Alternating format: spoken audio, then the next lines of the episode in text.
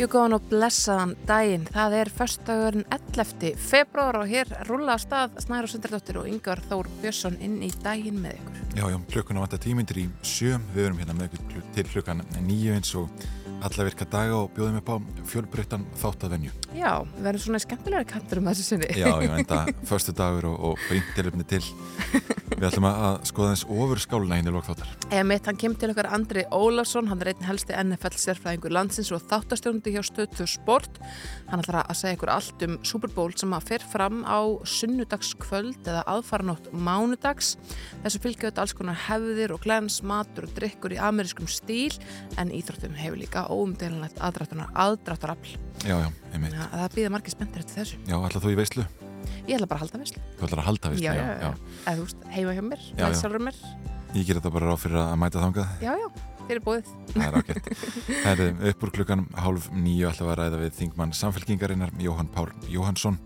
En hann hefur lagt fram fyrirspurn á þingi um það hvaða ofinberu fyrirtæki eru þáttakendur í samtökum atvinnulífsins og hversu háar fjárhæðir ég renna til samtakana frá þeim á hverju árein eins og allir vita eru samtök atvinnulífsins stór og með tölverð ítök í íslensku samfélagi. En yfirlega 2000 fyrirtæki er hluti af samtökunum sem ég hafa um 70% launafólks á almunum markað í sinni vinnu. Og sem þessari fyrirtæki eru um eitt eins og Jóhann Pál ég er að skoða, þetta eru stór fyrirtæki í ofnbyrja eigum og greiða rentu á veldu sinni til samtakana. Emitt, mjög fróðumilegt. En í búinlegan átta þá förum við við frettir vikuna og í þetta skipti með Þóru Arnarsdóttur frettakonu hér á Ríkisútarpinu og Hallgrími Helgarssoni Rittufundi. Það er að nóg að taka formálskjörur hafið í eblingu þar sem hart er tekist á. Rauð veð, veðurviðvörun var í gildi á Suðvesturhórnum landsins og með fjöldi kórunum verið smita grindist. En það er samt vona aflettingu sóttvarnar aðgerða í dag. Já, það hvað eh, Viljum Þór vill gera. Eh, það var einhver svona hérna, sögursaknir við það að það ætti alfarið að, að sleppa þessari einangrun. Hann neytaði því í gær. Það verður áfram einangrun fyrir þá sem eru smitaðar allavega. Já, fyrir þá sem eru smitaðar. Já, en, en nú er spurning hvort að hérna, skemmtist að eigundur verði loks gladir. Sko það er auðvitað nú þegar búið að gera mjög, uh, mjög róttakar breytingar á sóttkvíjarmálum Þannig að eins og í gær held ég að hafi verið 10.000 manns í einangrun en aðeins 8.700 í sóttkví. Uh, Venjulega var þetta öfugt, það voru fleiri í sóttkví heldur en í einangrun. En, en núna eru aðeins þeir í einangrun sem að, nei aðeins þeir í sóttkví sem að, að búa inn á heimili eitthvað sem að er smittað. Nákvæmlega, nákvæmlega. Þetta verður mjög áhugavert og, og það er náttúrulega að fylgjast með þessu öll á, á vef rúf.is í dag sem mun fjalla vantalega ítalega um þessar afletninga aðgerðir. Einmitt. Nú um, Lilja Alfredsdóttir viðskiptar á þeirra saði í samtali við Morgumblaði í gær að bankarnir ættu í ljósi mikils hagnaðar að leta undir með heimilum og fyrirtækjum sem hóna fram á herri vaksta byrði vegna vaksta hækkana Sælabankans. Lilja sagði að bankarnir fyndu ekki einhverja lausn í þeim málum teldi hún að endurvekja ætti bankaskattin og við ætlum að ræða þessar hugmyndir við Þórólf Geir Mattiásson hann er professor í hagfræðik um, um það bara, já, já, hvernig á að skatleika svona hagnað? Er, er þetta ofur hagnaður eða, eða hérna, og, og hvernig er best að ja, fyrirkomulega í kringum bankaskatt? En mitt að koma nú fréttir um hagnað uh, landsbankars í gær held ég alveg örgulega, ég ætla að fletta þessu upp einna uh, það, hann var tölverður Já, þetta er landsbankin 23,7 miljardar, Arjónbanki 28,9 og Íslands 28,9 þannig að þetta er, þetta er heilmikið lagnaður Já, þetta er tölvert Bortinlegt, en uh, við ætlum líka að ræða við bæjastjóra Akureyrar Ástildi Sturldóttur, hún hefur leitast eftir því að svo gotið þjóðarópera verði staðsett í tónleikahúsinu Hofi á Akureyri Tölverið vinna hefur farið fram í tengslu við hugmyndir um þjóðaróperuna en í april síðastlinu var lögð fram skýrsla um þetta fyrirbæri þar sem sagt var að þjóðarópera fæli sér gríðarlega menningar eða tækifæri. Við ætlum að heyra hans í ástildu um þessa vilja yfirlýsingu hennar. Já.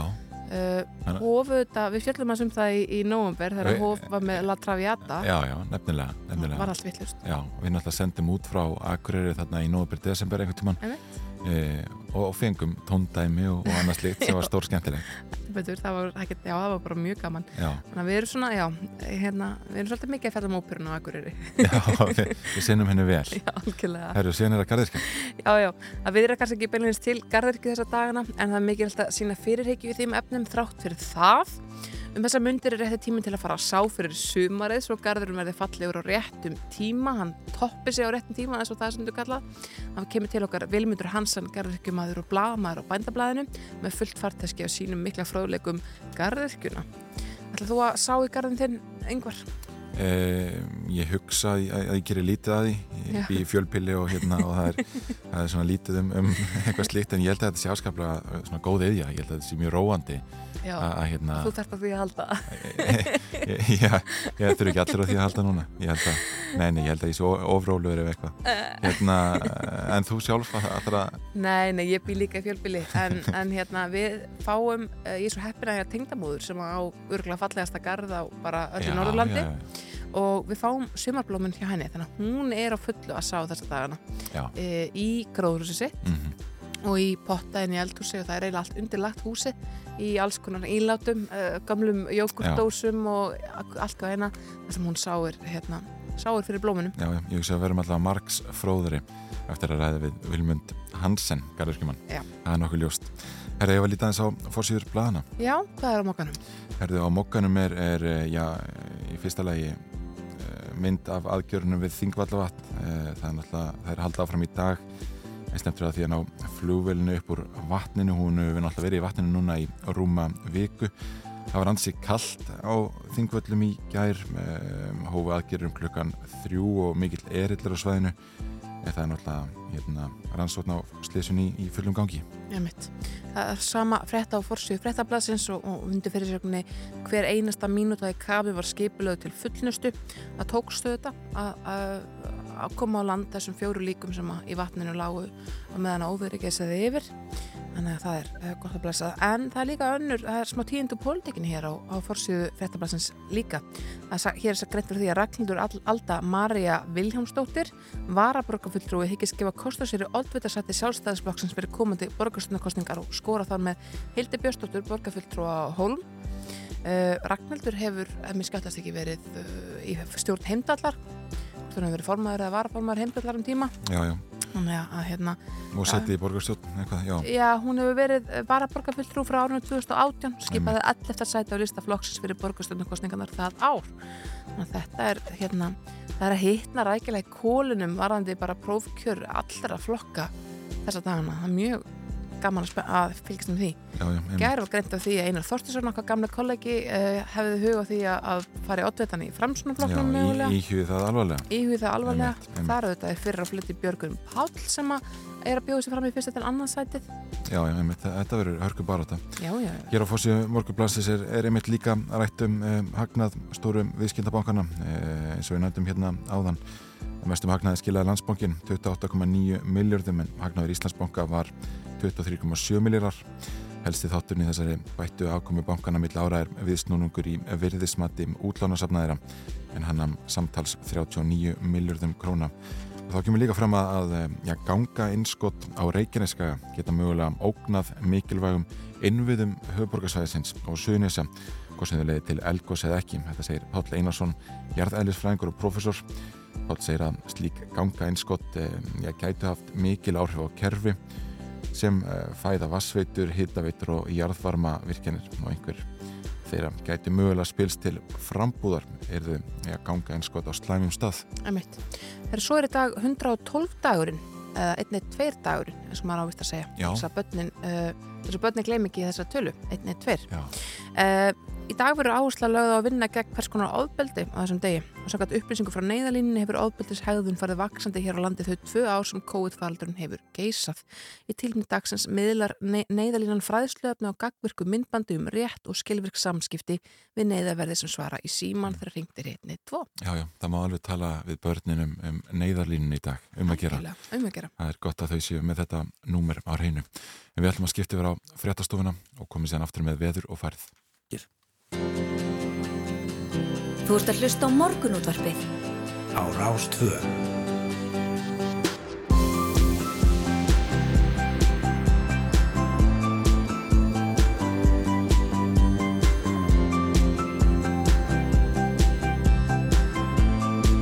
Morgunútvarpið. Á Rástvö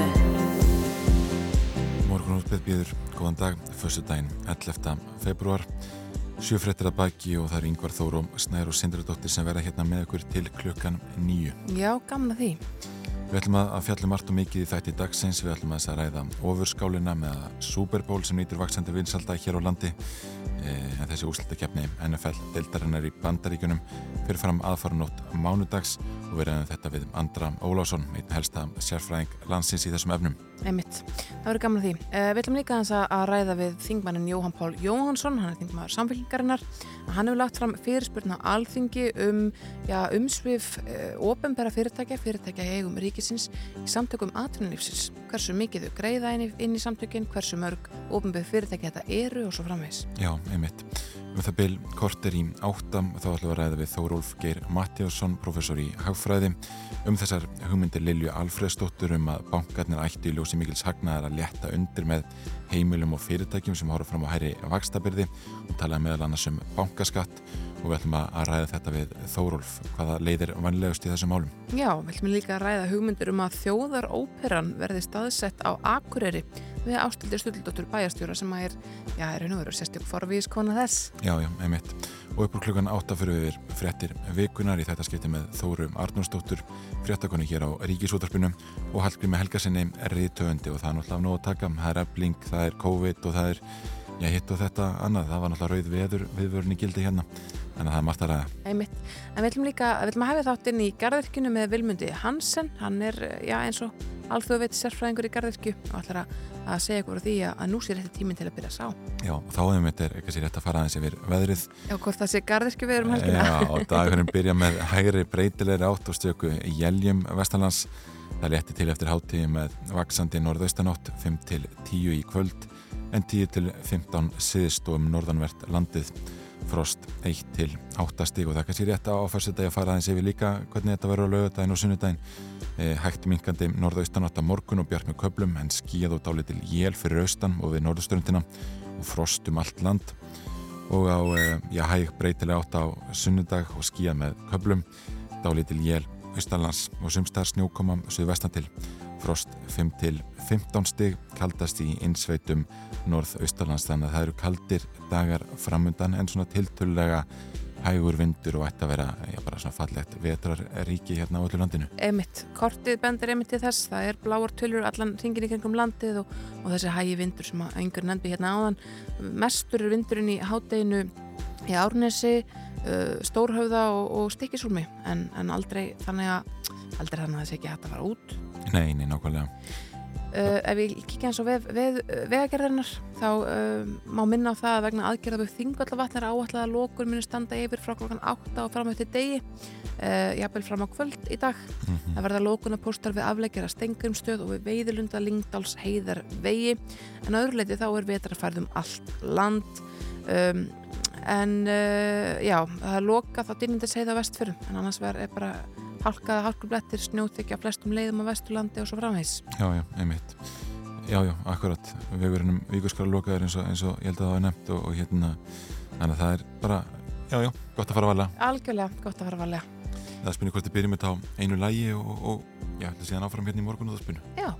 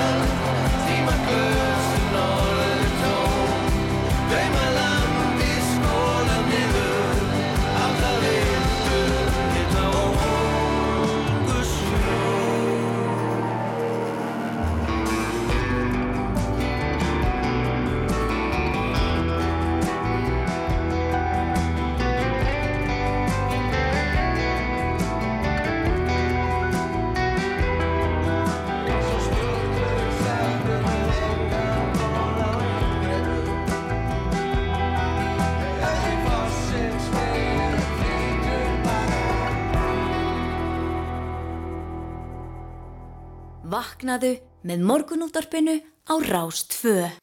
Jújú, morgunundarpið heldur hérna áfram að við rákum augun í frétt á veð vísis. Það kemur, þar kemur fram að þróttur í Reykjavík hafi unnið sögulega sigur á Reykjavíkur mótin í fótbolta með því að leggja að velli fjölinni 6-1 í Eilsöll í gerkvöld.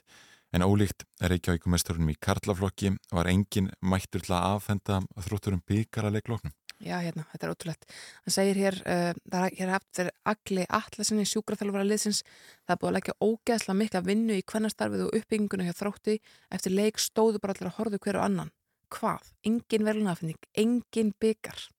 Mhm. Þetta er auðvitað rosalega og það er erfitt að ímynd sér að þetta hefði gerst hjá kallaliði. Það er bara, það er bara orð þannig. Já, þetta er ótrúlegt. Hann heldur hérna áfram sko, þetta var bara eins og ég eftir einhvern æfingaleg liði stilti sér upp og þá var einhverjir þróttari sem tók einhverja myndir. Um, hann segir að, að já, honum hafi ekki verið skemmt en augnablikið hafi verið bara hálf komist Já. engi velunapenningar, engi byggar engin einu til að segja allir hamingju Þetta er ótrúlegt. Það er knatsbynnur á Reykjavíkur sem stendur fyrir Reykjavíkumótunum í knatsbynnu og hefur gert í yfir 100 ár samkvæmt þessari frétt.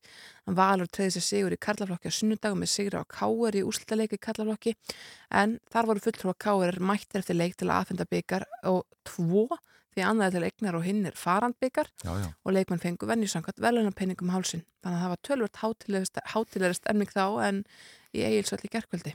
já, já, einmitt, einmitt þetta er, þetta er mjög áhugavert og, og, og bara, já, baglegt Einmitt.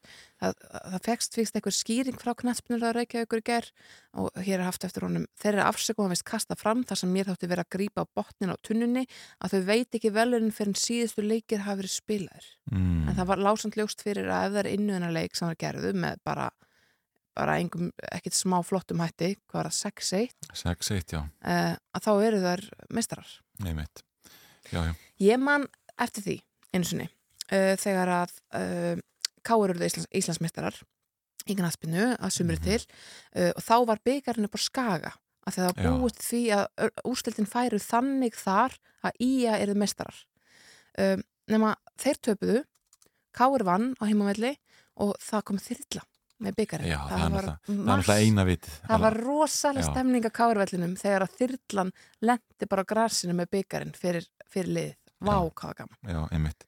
Það var eitthvað sér hérna, um, já, bara æskilegt að, að knaspyrnur, knaspyrnur á Reykjavíku myndi ég leiði þyrlu bara fyrir næsta leik og, og hérna fljúa byggarnu til þeirra. Ég held að það sé bara lámark.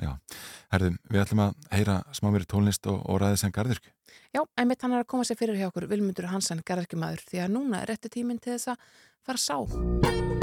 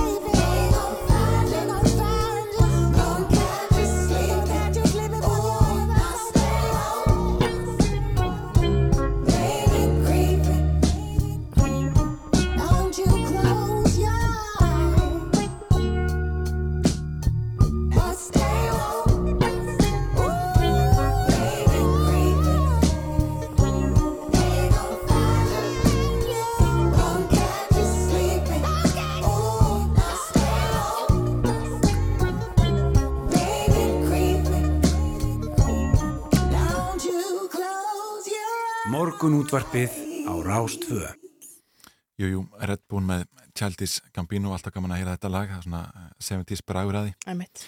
En um, um þessa myndir er rétti tíminn til að fara að sá fyrir sumarið, svo garðurum verði fallegur á að réttum tíma og viljumundur Hansen Garðurkjum maður og bladamar á bændablaðinu. Hann er komin ykkar til okkar, góðan daginn. Hvað, segir sá, er ekki alltaf kafið snjó bara um all land? jú, jú, jú, jú, jú, en það er náttúrulega maður sáir inni, sko. Nú, Já. Já, já. Hva, hva, hvernig á maður að bera sig að? Já, náttúrulega fyrsta lagi ferðu og kaupir þér fræ Mhm. og velur hvaða plantur þú ætlar að hafa og, og síðan nærðu þér í hérna boka sáðmóld og setur það annarkvort í bakka eða jógurdollur eða skýrdollur eða whatever, sko. Og svo bara sáldraru fræin yfir og það sem að skipti þar máli er að það er stærð fræjana. Uh, því stærri sem fræin eru því dýbra þau eru að fara. Mm. og við segjum ofta að það sko dýftin sé svona tveir þriðju að þermáli fræsins þannig að sko þegar þú er búin að saldra fræjanum yfir moldina þá setur þú mold yfir Já, og séu fræin mjög lítil svo með minnir að æ, maður það er er alltaf snemt fyrir mig já, er mikið að þimmalpöta reglum í þessu. Já, ég, þetta, þetta er sko ég hef nú stundu sagt að ganni mínu að þetta séu geimvísindi sko, en alltaf ekki reyna að gera þetta flókið og halda vinnunni. en, en er þetta mitt sko er, er þetta er þetta gemvisindi? Gæti einhver sem þekkir ekkert til eh, bara byrjaði í dag? Nei, þetta er af og frá sko, þetta er bara leðu búin að gera þetta einu sinni, Já, þá ertu bara eins og að læra hjóla sko. En getur sem maður eftir- verið viss, segjum að, hérna, segjum að yngar tæki upp á því að sapna saman einhverjum dósum sem hann á heima og, og kaupa sámold og nokkuð fræ og, og pota þeim aðeins onni í moldina og svona. Mm. Sko getur hann verið viss um að hann uppskeri fallið sumarblóm á réttum tíma og þetta verða allt saman bara geggjaða svölunum hjá hann. Já, já, mér sýnist nú hann vera með græna fingur, ég sé nú ekki betur, sko, það verður ekki á milli mála. Njá, sko, svo, þá komum við náttúrulega svolítið sem heitir sáninga tími Ok, Fræ eru mis lengi að hérna, spýra og sumar tegundir eru sko, sumar tegundir það eru svo rauða stjúpur til dæmis, það eru mjög lengi að spýra Mm. eða alltaf með rósmarín, þá er það lengi að spýra svo eru aðra tegundir sem eru sko fljótari og uh, ég ætla nú að sko, í bændablaðinu gær, sem kom til gær, þá er listi yfir spýrunatíma sumablóma og ég átti að setja hann inn á netið. Mhm. þannig að það er það er svolítið að fara eftir því. Já, og svo er annað sem þarf að fara eftir sko, það er að, hérna, að lýsing og hitastig sé í lagi. Ef hérna, það er mjög algengt svona fyrstu þegar fólk er að prófa sig áfram, það er það að sái og uppkomi spýrur, kýmblöð og, og hérna, mjög langar spýrur Mhm. og við kallum þetta myrkra spýrur og þetta stafar að því að þá er bæði of heitt og of lítið ljós mm. plönturnar náttúrulega er að leita í ljósið sko. Mhm. og í mæi er ekkert rosalega mikið ljós Einmitt. þannig að það þarf eiginlega lýsingu þá en svona í mars þegar flestum fræjum er sáð þá hérna yfir, er yfirleitt komin hérna nóbyrta og svo sem sagt svona venjulegu stofi hittir ágætur fyrst þar til að kýmblöðin kom upp. Svo koma við, það sem við kallum löfblöð og þá er ágætt að kæla aðeins. Mm. Semst, og það sem við viljum náttúrulega er að plantan sé frekar lága sem þétt. Ekki að fá svona einhverja langar, langar spýrur já, þetta er náttúrulega heilmikill listi sem að byrtir hérna í bændablaðinu, þetta er einhverju tugir blóma. E, sjáum við mitt að, að oftast er þetta í mars, en nú fyrir hver að vera síðastur að, að, að hugað blóðdrópa Krist til að mynda Já, já hann er svolítið, hann er svolítið snemma sko. Og hvað er blóðdorfi Krist? Hvað er blóm er það? það er fúksjúr Já, það eru svona, þetta er svona fallegar og mynda svona hvít rauð, svolítið svona eins og dropi og er hjartalaga í leiðinni og svo, það er hjartalaga og svo koma fræblandi niður já, og það eru svona eins og droparnir emmitt. Það og- hljómar þess að mjög fallið blóm. Þetta er rosalegt sko og, og þetta er planta sem eru svolítið hávaksin Já. og er svona í viðkvæmara Einmitt. Og mikilvægt að sá henni snemma. Já. Uh, sko, þú talar um lýsingu, en, en það er samt hægt að gera þetta bara, þú þarf, það þarf ekkit gróðurhús eða eitthvað sjá. Nei, nei, nei, nei, nei, þú getur bara gert þetta í stofuglugunum ég meina, varst ekki að segja að Tengdó væri með halva íbúðina Jó, hérna haft húsið Já, og gróðurhús já, sko. þannig að sko, nei, nei, það er, ég meina, góður bara austur-vestugluggi Já. er alveg frábær í þetta kannski suðugluggar eru hérna svona þegar fer að líða á þá er, verða þeir, sko, getur sólinn orðið of sterk fyrir smáplanturnar já. að brenni þær sko. En ef við spáum hans í bara prís, af því að það, svo er líka þetta að koma bara í þessar helstu blómabúður og höfbrukstöðan og kaupa sér sumablóðum tilbúin. Hv- Hver er mu- verðmunurinn að þú myndir giska á að gera þetta sjálfur með fræinu á þessum tíma eða það að mæta í júni og kaupa einhverjar hérna, petagónur eða hvað það heitir alls saman tilbúnar. Pelagónjur. Pelagónur. Petagónur er Já, ég er ekki nafn. útvista Já, flott merkið. nafn. eh, Sko, að leiða náttúrulega miklu svona örugara fyrir þá sem eru nýjir í brasarum Mm. að, kaupa sko. Og, og, og ég ætla bara hreinlega að segja að blómi er ekki dýr nei. það er bara að della sko. en það sem er náttúrulega aðal við sem sagt, uh, þessi ef þú ætlar að gera það sjálfur þá er það fyrsta árið ef þú ætlar að kaupa sem sagt, græðnar í ætla ef þú ætlar að vera með sæmilega góðan sábaka þá ert að kaupa Já. Mhm. þú ert að kaupa hérna eða getur nota jógurtóttur og þú ert að kaupa blómabotta til framhalsræktunar þannig að það er svona startkostnaður Mm og svo þarf það náttúrulega að kaupa mold og fræ Mhm. En svo er náttúrulega bara, sko, það er einhver uh, filosófía í því að, rækta sjálfur. Það er eitthvað, það er eitthvað galdur í þessu græna, sko. já, Þegar fólk byrjar á þessu annan borð, þá yfirleitt, sem sagt, húkast það, sko. já. En en fyrir þau sem eru einhvern veginn að hlusta kannski núna og langar að einhvern veginn dífa sér inn í þennan heim, Mm. eh, hver eru helstu mistökin sem byrjandur gera? Það er nú yfirleitt þessar myrkaspýrur. Já, Það er svona helst það sem að er problemið, sko. Mhm.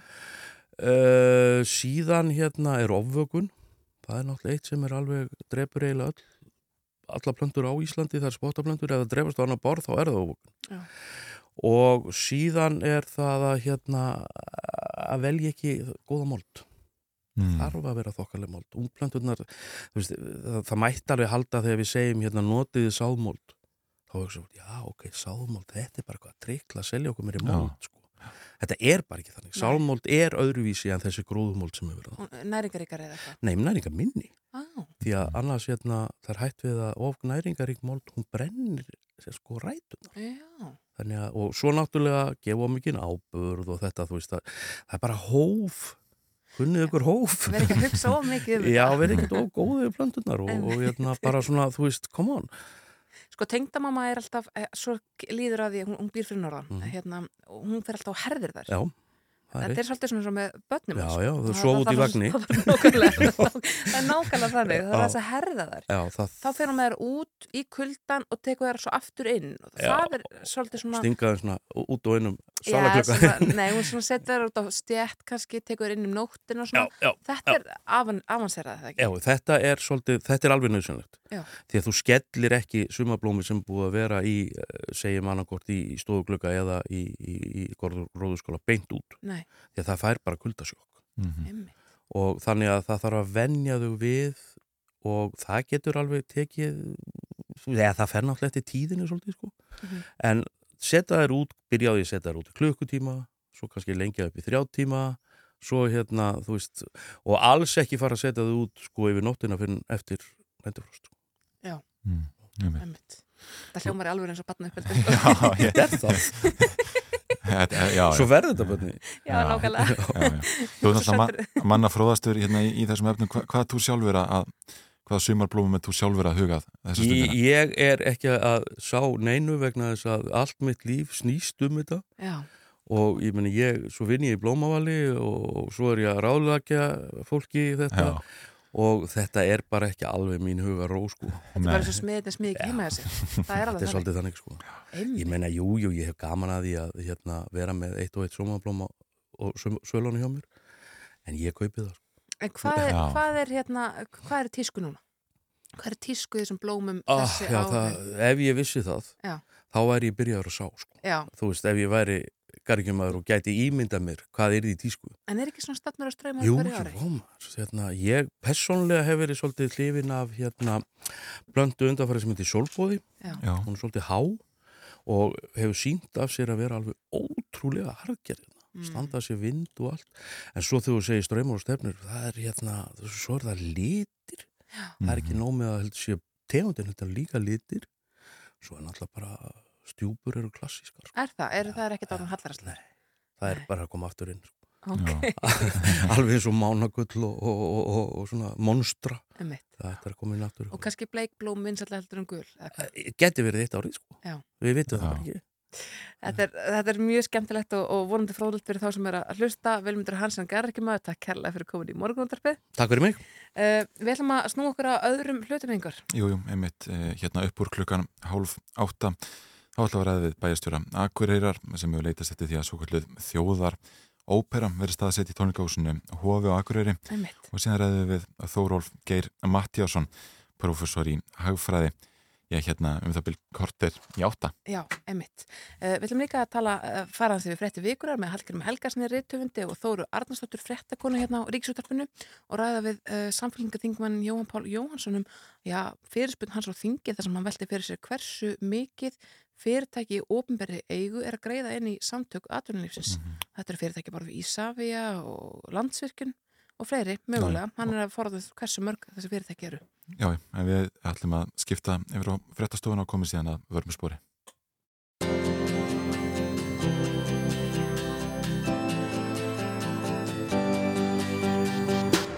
Þú ert að hlusta á morgunútvarpið á Rástvö. Jú, jú, við höldum hér áfram í morgunútvarpinu og erum, uh, já, við erum búin að ringja til Akureyrar því á línunni hjá okkur er Ástildur Sturldóttir bæjarstjóri Akureyrar. Hún hefur leitast eftir því eða lagt til að svo gotið þjóðar ópera verði staðsett í tónleikahúsinu Hofi. Góðan daginn, Ástildur. Góðan daginn. Er það svona mikill óperu aðdáandi? Já, ég er mikill tónlistar að hennar áhuga maður og hafa alveg sérstaklega gaman á, á, af óperum. Einmitt. Og hvaða hugmyndir er þetta um, um þjóðaróperuna fyrir norðan? Þetta eru nú hugmyndir sem hafa verið uppi og, og en, en skal ég segja ykkur, hún Lilja Alfredsdóttir kynnti þegar hún voru að, kynna að sína hugmyndir varðandi nýtt, eh, nýtt skipan á, ráðunetti að, að þetta gæti verið eina eitt af verkefnunum að, að þjóðaróperan er því staðsett á Akureyri og við náttúrulega tökum heilsugur undir það og erum tilbúin til að taka á móti óperunni og, og, og fögnum því. Já, já. Sko, hvað fælst í þjóðar óperu? Það er náttúrulega bara e, e, e, höfuðstöðvar fyrir ó- óperuna, í- hérna, þjóðar óperu Íslandinga og þrátt fyrir það að höfuðstöðanar væri hér og hér væri öll umsýslan í kringum það, þá eru þau síningar á fleiri stöðum heldur en bara hér, bara rétt eins og Íslensk óperan hefur gert í gegnum tíðina. En, en við sjáum gríðilega mikil tækifæri í þessu. Við erum með frábært hús, hof, og við erum með symfóníuhljónsveit og við erum með leikfélag og, og í hofi er frábær aðstæða. Við erum með stórt og gott svið og, og stóran sal og, og aðstæðan er algjörst fyrirtæki í húsinu. Mm La Traviata kom auðvitað norður í, í um, haust og bara vakti Já. stormandi lukku hjá ykkur en hefur, uh, sko, hafa, hefur óperan verið að koma norður fyrir utan það skipti? Já, sko, eh, við skulum alveg taka það fram að það var Symfónía Nord sem er eh, nú hérðan frá Akureyri sem spilaði undir í eh, La Traviata og þannig kannski ástæðan fyrir því að, að síningin kom yngar norður og ekki síður að þessar hugmyndir eru teknar alvarlega. Og það er bara síndi sig, La Traviata síndi að þetta er alveg hægt. Og það, það er bara að hugsa svolítið djart og Lilja er að gera það með þessum hugmyndum að það er að hugsa svolítið djart og uh, þó að við séum enna stórt land þá erum við fámenn þjóð og við þurfum að, að hafa, hafa verkefnin víðar bara á höfuborgarsæðinu og byggja upp enna menningarlífið á fleiri stöðum og hérna er gríðarlega öflugt menningarlíf og, og mikil saga og þekking á menningu og, og listi. Já, einmitt. En nú myndir maður einhvern veginn að halda að markaðurinn fyrir ópera á Íslandi væri svona tiltölulega lítill. Um, Já. Væri ekki, ekki já, enn erfiðar einhvern veginn að, að draga fólk að í, í já, minna bæjarfélagi?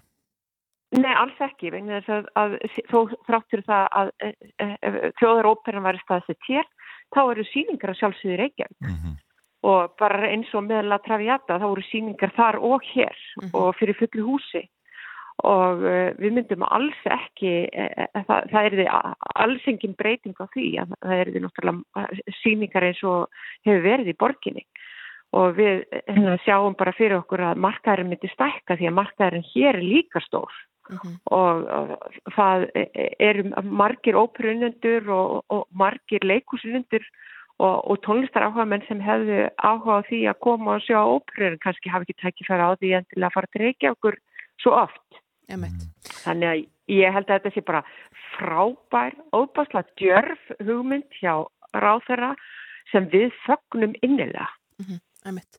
Þannig að það hefði mikla þýðingu fyrir bæin að hún væri staðsett þarna þó að það væri kannski já, meira nafnuru til eða eða heldur en, heldur en endilega þannig að öll starfsemi óperu Já, myndi færast.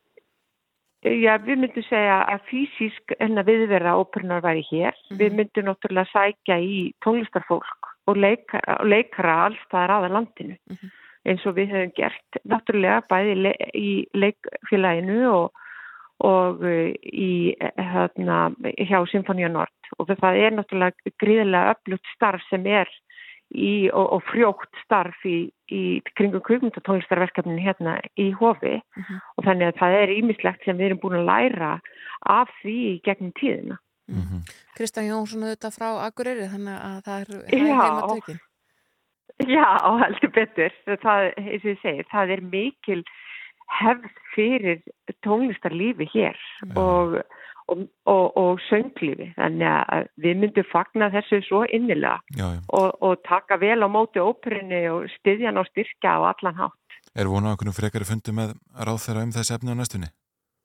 Ég, ég ger bara fastlega ráð fyrir því. Ég, eh, ég ger ekki ráð fyrir því að ráðherra hafa verið að kynna þessar hugmyndir og viðræða þessar hugmyndir sínar á, á kynningafundurinn nema að henni væri alvara með þessu að, að skoða þetta frekar og hvort að þetta sé einhver möguleiki og uh, ég, þannig ég gerir fastlega ráð fyrir því að við munum funda fljótt um, um þessi mál. Já, já, nákvæmlega ásteldur Sturldóttir bæjastúri Akureyrar, þakka fyrir að vera á línni.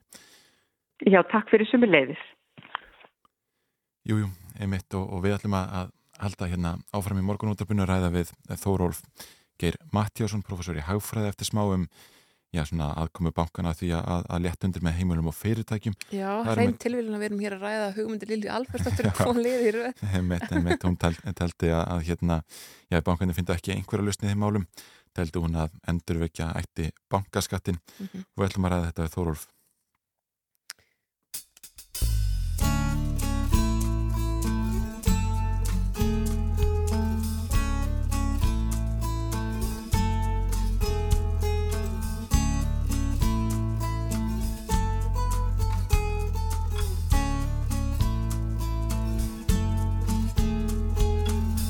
Get a fast car. I want a ticket to anywhere. Maybe we make a deal. Maybe together we can get somewhere. Any place is better. Starting from zero, got nothing to lose. Maybe we'll make something. Me, myself, I got nothing to prove.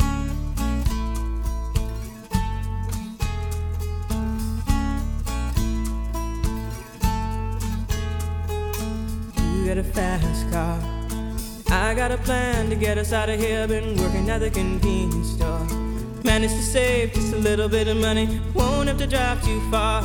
Just cross the border and into the city. You and I can both get jobs and finally see what it means to be living.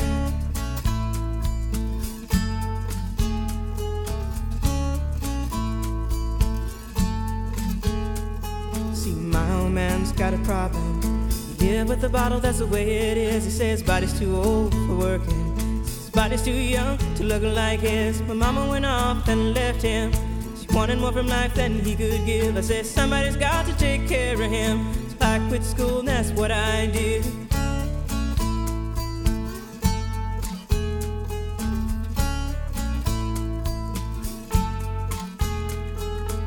You got a fast car. Is it fast enough so we can fly away? We gotta make a decision. Leave tonight or live and die this way.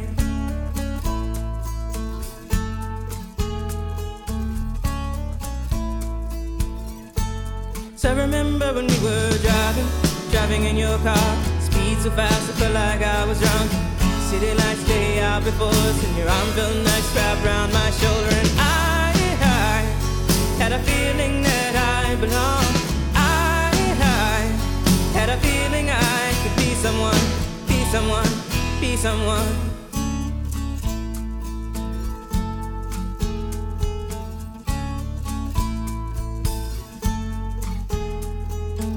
You got a fast car. We go cruise and entertain ourselves. Still ain't got a job. Now work in the market as a checkout girl. I know things will get better. You'll find work and I'll get promoted. We'll move out of the shelter, buy a bigger house and live in the suburbs.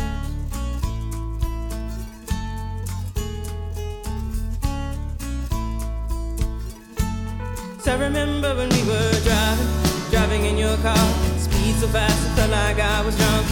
City lights lay out before us, and your arm felt nice wrapped around my shoulder. And I, I had a feeling that I belonged. I, I had a feeling I could be someone, someone, be someone.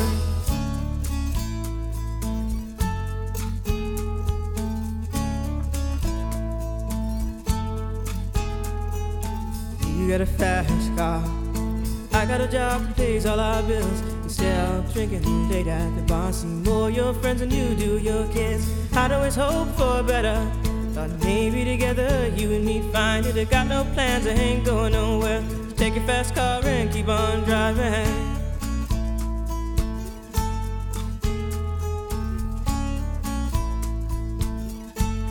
I remember when we were driving, driving in your car. Speed so fast, I felt like I was drunk. City lights lay out before us, your arm felt nice wrapped around my shoulder.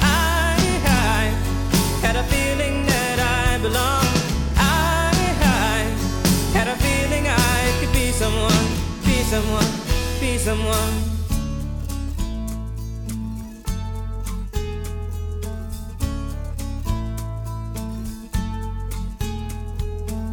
You got a fast car.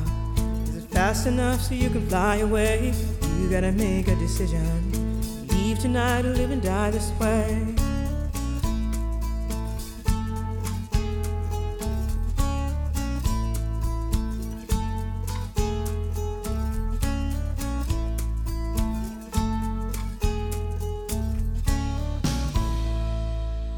Ert að hlusta á morgunútvarpið.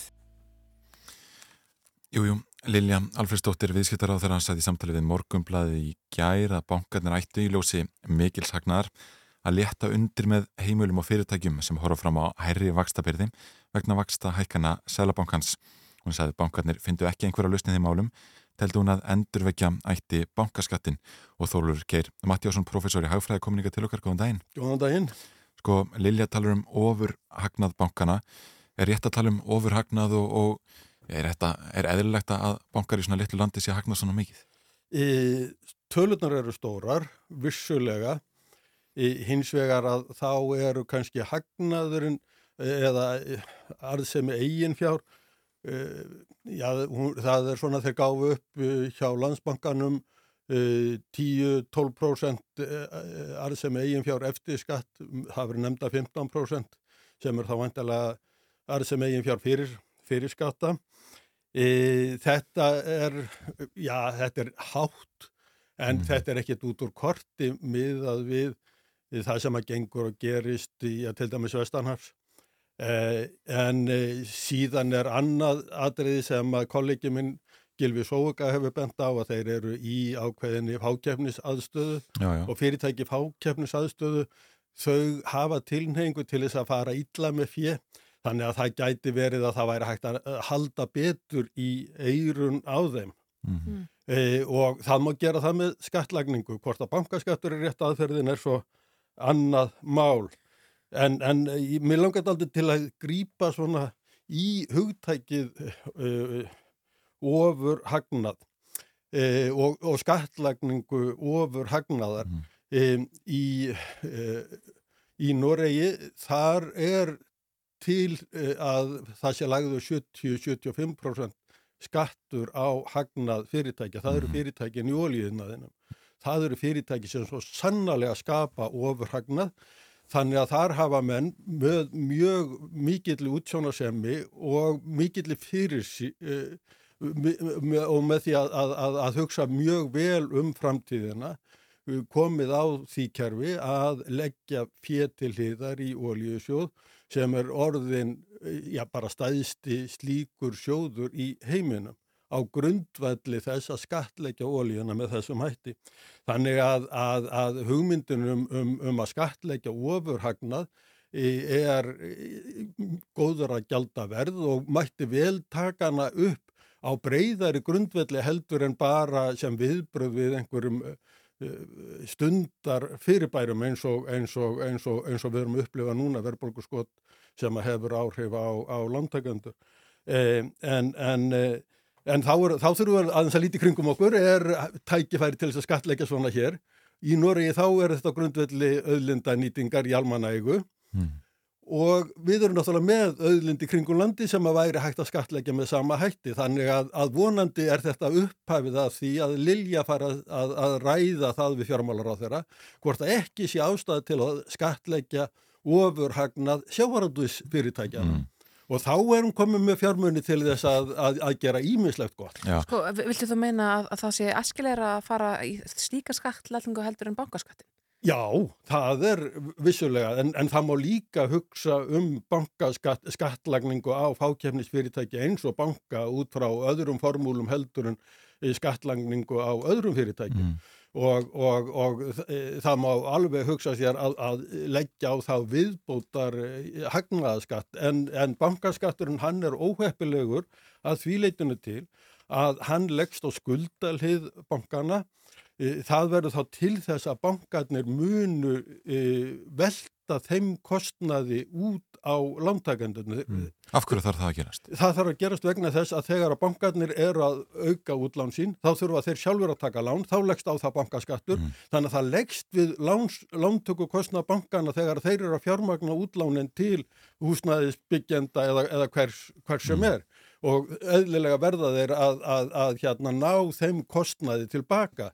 Það, en hins vegar ef við leggjum þetta eh, eh, beint á hagnaðin að þá hefur það ekki samskonar eh, áhrif. Það, hann er, hefur ekki áhrif á framlýslu þátt á notkun eins og við hagfræðingarnir segjum svona á góðum stundum. Nei, en þe- þetta er svo einhvern veginn sérstætt einhverju leitað að bankarnir er að hagna svona mikið en einhvern veginn að virðist vera að almenningur njóta ekkit endilega góðs af því, ég minna vextinir hækka bara á almenning um, hvernig horfðu það við þér?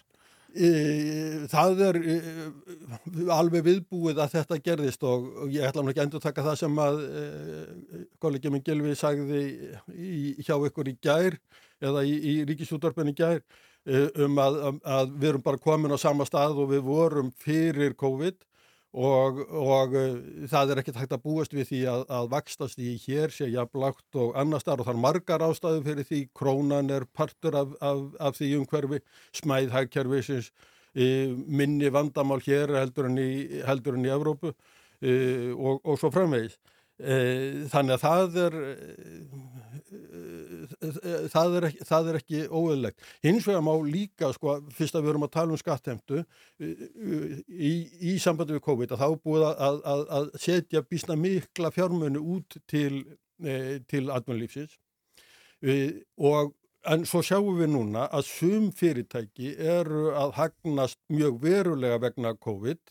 Eh, Ég ætla bara að nefna Erlend dæmi, hérna eh, Facebook og, og, og Google og, og Zoom sem við þekkjum öll, núna betur heldur við gerðum fyrir, fyrir COVID.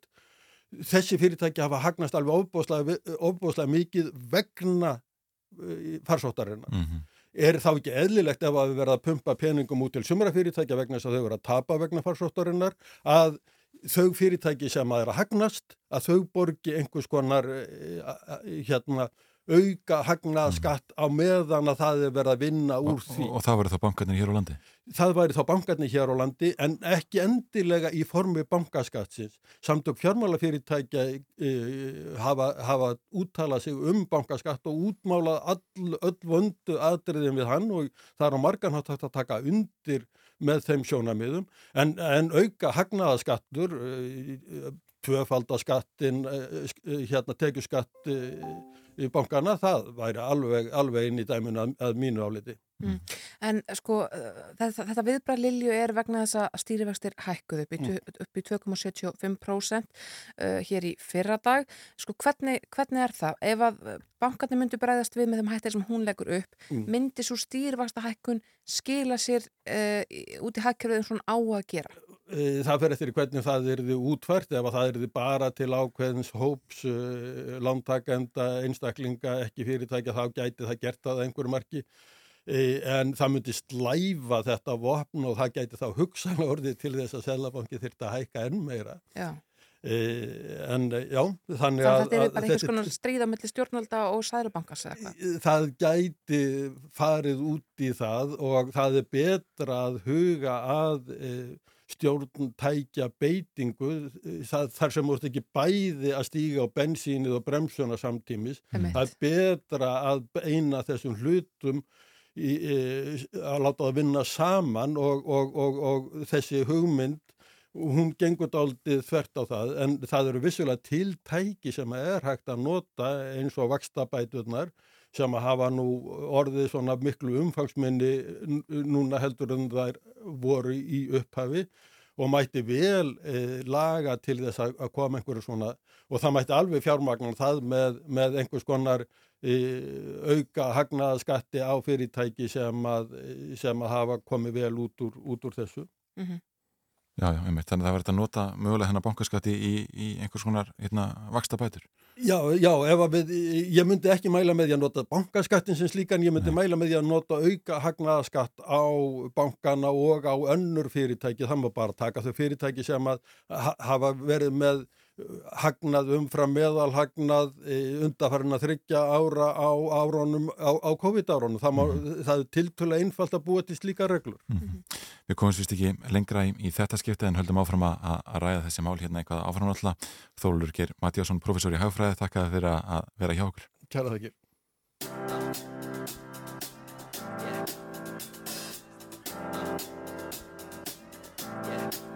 I got this feeling inside my bones. It goes electric wavy when I turn it on. Off from my city, off from my home. We're flying up no ceiling when we in our zone. I got that sunshine in my pocket, got that good soul in my feet. I feel that hot blood in my body when it drops. Ooh, I can't take my eyes off of it, moving so phenomenally. You're more like the way we rock so don't stop.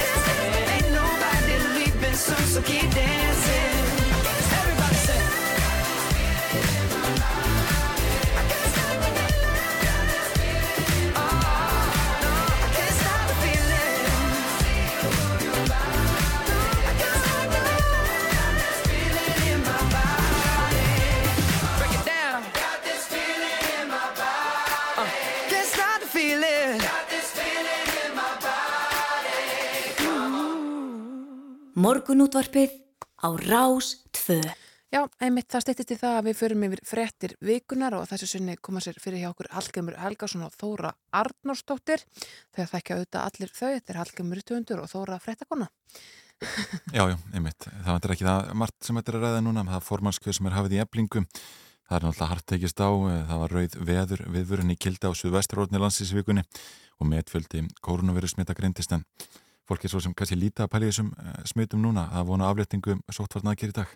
Já, er það ekki það sem við erum spennt fyrir eða? Jú, ég, ég er alltaf áskaplega spenntur að, að heyra hvað kemur já, upp úr pökkunum í dag. Ég líka. Þetta er stríðlokið. Þú ert að hlusta á morgunútvarpið á Rástvö.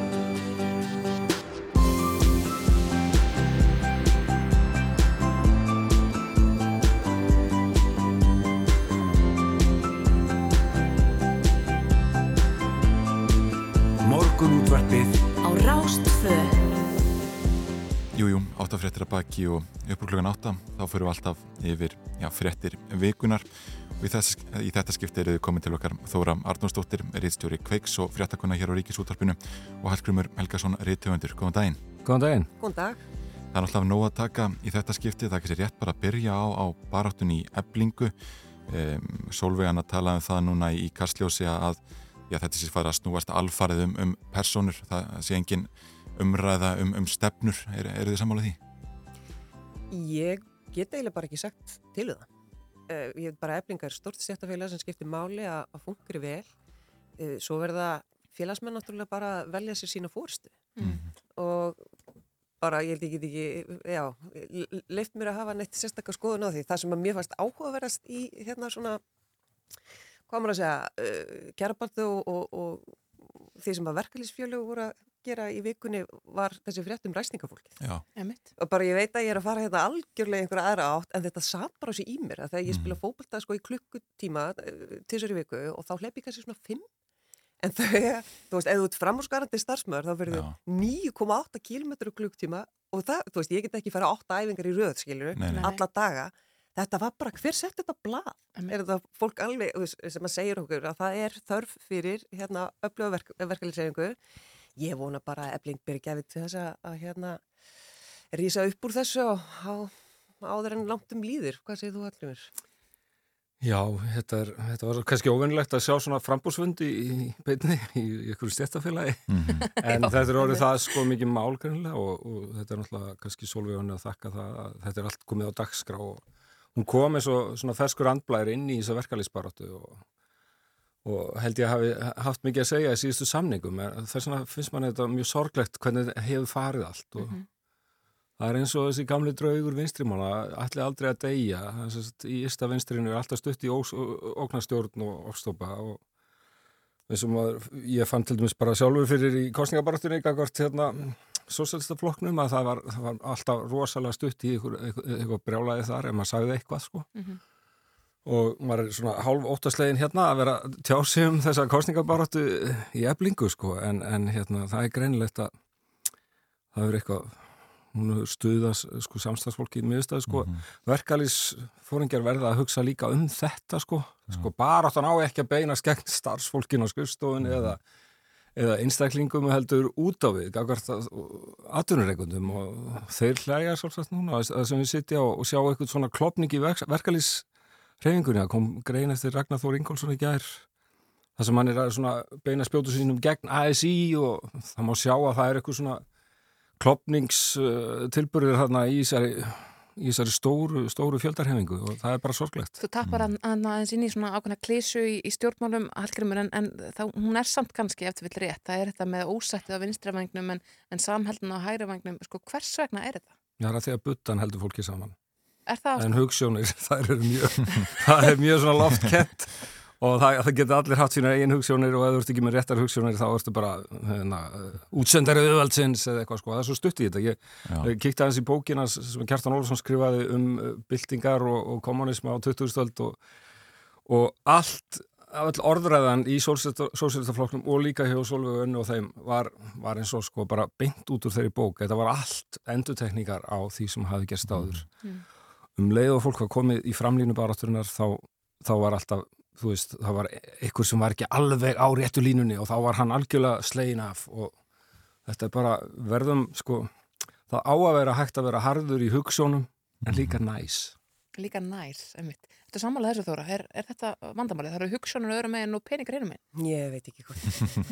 Ég bara, þú veist, hérna, hérna meina þá erum við að, að sko horfa og, og greina frá og svo framvegis en, en hérna, þannig svo sem ekki okkur hlutverk að fara í þær pólitísku pælingar. Nei. Einmitt.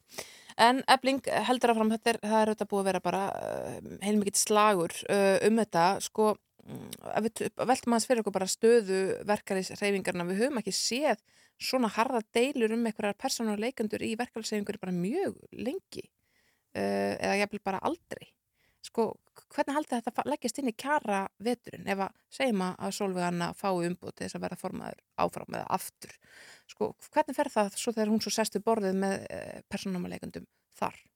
Við vitum alveg að það er mjög, það er erfir samningar framöndan. Mhm. Fullt af lausum samningum og e, veist, með vakstahækkunum, með uh, bara breyttu efnarsástandi. Við erum að vísa að fara út úr kóðkreppunni að því fylgir hérna, verðbólk og vakstahækkanir sem betur fer minkandi atvinnuleysi en það er mjög mikill trýstingur frá atvinnureikundum og atvinnulífinu uh, um það að hérna, stilla launahækkunum í hóf. Eðlega er verkefnisefningin ekki sammála því þannig að þetta, já, ég held að verði bara ákvæmlega áhugavert að fylgjast með því og uh, ég held að við getum alveg séð verkföll og, og hérna svona eitthvað sem við höfum ekki séð í miklu mæli eða sem var, var miklu algengara hérna áður fyrr sko. Já, já. Fólk verður líka að passa sig sko, fréttir af fórstjóra á Æslandi er sem að tók sér launa hækkun á meðan eh, fyrirtæki var í gjörgæslu í ríkinu og fekk endalins á pening og ríkisjóði. Já. Það, þetta er náttúrulega blöð tuska framann í allt þetta fólk og svo he- heyrir maður svona fréttir eins og uh, af enn einum sem, a, sem að var að stela peningum af fólki bara, og ætlaði bara að komast upp með það. Sem sagt var að selja því raforku á mun hærra verði en það held það væri að borga. Og uh, síðan kemst þetta upp og, og viðgangast í mörg ár og þá segir fyrirtæki sorry, við skulum endur greið ykkur já, frá november eitthvað að byrjun, þetta er náttúrulega ótrúlega, þeir eru að endur greiða af því að komst í fréttir sko. Já. en svo, svo ákvaður endur greiða allt vegna þess að þeir sá að, að þeir voru að missa kuna sko. Og ég vona bara að, að þetta verði eitthvað Já, ég, ég, ég ætla ekki að vesla þetta fyrirtæki eftir. Nei, en, en sko náði Solveigana einmitt ekki bara ágætið sniðustöðu síðast og verða þessar deilur ekki, já, fljótar að gleymast. Nei, ég held að, þessi verði mjög erfitt ástand ef hún verið kosin sko, inni í þessu verkalisfélagi, ég býð ekki í það. Þannig að, en, en sko, maður sá það í þættinum í gær að hún er, hún er öflugast í svona talsmaðurinn og hún Mhm. kann að ræða hlutina og var langa öflugast í kandidatin að að sjá, en svo hefur hún greinilega þessa galla sem hún getur bara á erfitt með að vinna með fólki. Það voru rauðar veður viðvaranir uh, í kortunum í byrjunum við, vikunar og appisningular um all land. Eru þið veður smeg? Verðu þið stressu þegar að, að það spáur stormi? Nei, Nei. mér finnst þetta frekar notalegt sko. Já. Það er í, svona ef maður nú eitthvað Æ, þið viti hvernig fólk er sem á stóra jeppa sem að, Já. sko, ég var á æfingar sundarskvöldið og þá, þá voru sumi sem voru, sko, þeir hlökkuð svo til daginn eftir þá þetta er að fara að tæta og trilla og aðstóða björgunarsveit? og svona. Nei, ég er ekki björgunarsveit, nei, ég á bara, sko, minn er ekki eins og fjórhjóladrifin, ég á Fiat, þú ert að líti út að vera stóra. Þú talaði nú að vera á æfingu. Já, eh, já, nei, ég var ekki björgunarsveitur Nei. þetta er bara Já, Já. fólk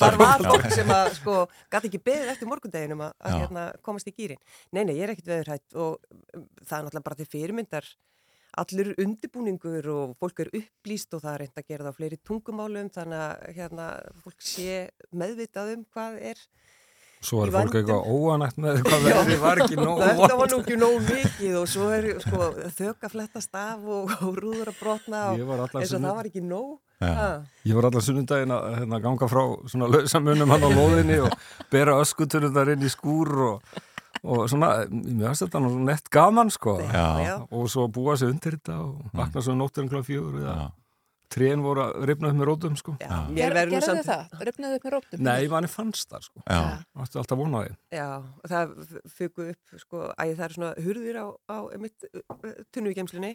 Það er, fugu upp og hanga svona einni, einni hjör, en hérna þá er nú ekki meiri skaði en það. En mér verður nú bara svo oft að því að við getum setið þetta inni, bara ætla að hækka þann sýtni í gólfhittanum og eitthvað, kveikjum á kertum, það er svo notalegt. Mér verður bara að hugsa til forfæður okkar og formæðra inni í, í, í sínu húsnaði, hitaveitulaus með sko 10-15 börn, eh, og þú veist, ég bara, ég er svo Það voru þakklátt þessu fólki fyrir að hafa lifað af og, og hérna skila okkur hingað.